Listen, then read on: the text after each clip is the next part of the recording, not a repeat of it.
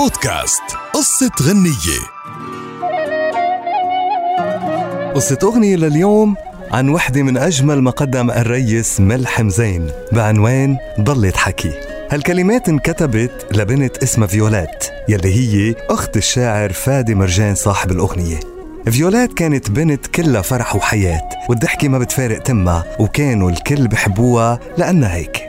فيولات بيوم من الأيام مرضت. وأصيبت بمرض السرطان. هالمرض اللي تعبها كتير. وقت اللي عرفت إنه ما رح تعيش صارت تبكي ونزلوا دموعها على خدودها.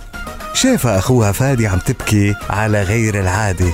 فقام كتب لها وقال لها قلبي بيضحك من جوا لما تكوني فرحانة. دقاته تقول علوا. عمري ما شوفك زعلانة ضلت حكي ضلت حكي عيونك ما خلقت للبكي. حطك على جرحي بطيب ما بيسوى عمري بلاكي. قلبي بيضحك من جوا لما تكوني فرحانة.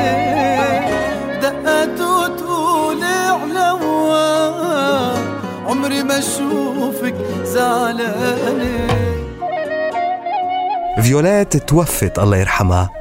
وبعد ما سمع هالأغنية أكثر من 40 مليون شخص على موقع يوتيوب سمع من حمزين هالأغنية فأعجب فيها وغناها وحققت نجاح باهر. ولكن ما حدا من اللي سمعوها بيعرف إنه هالنجاح انتهى برحيل شقيقة الشاعر تركي وراء ذكرى لأغنية مبهجة تابعها وشافها أكثر من 39 مليون شخص على موقع يوتيوب.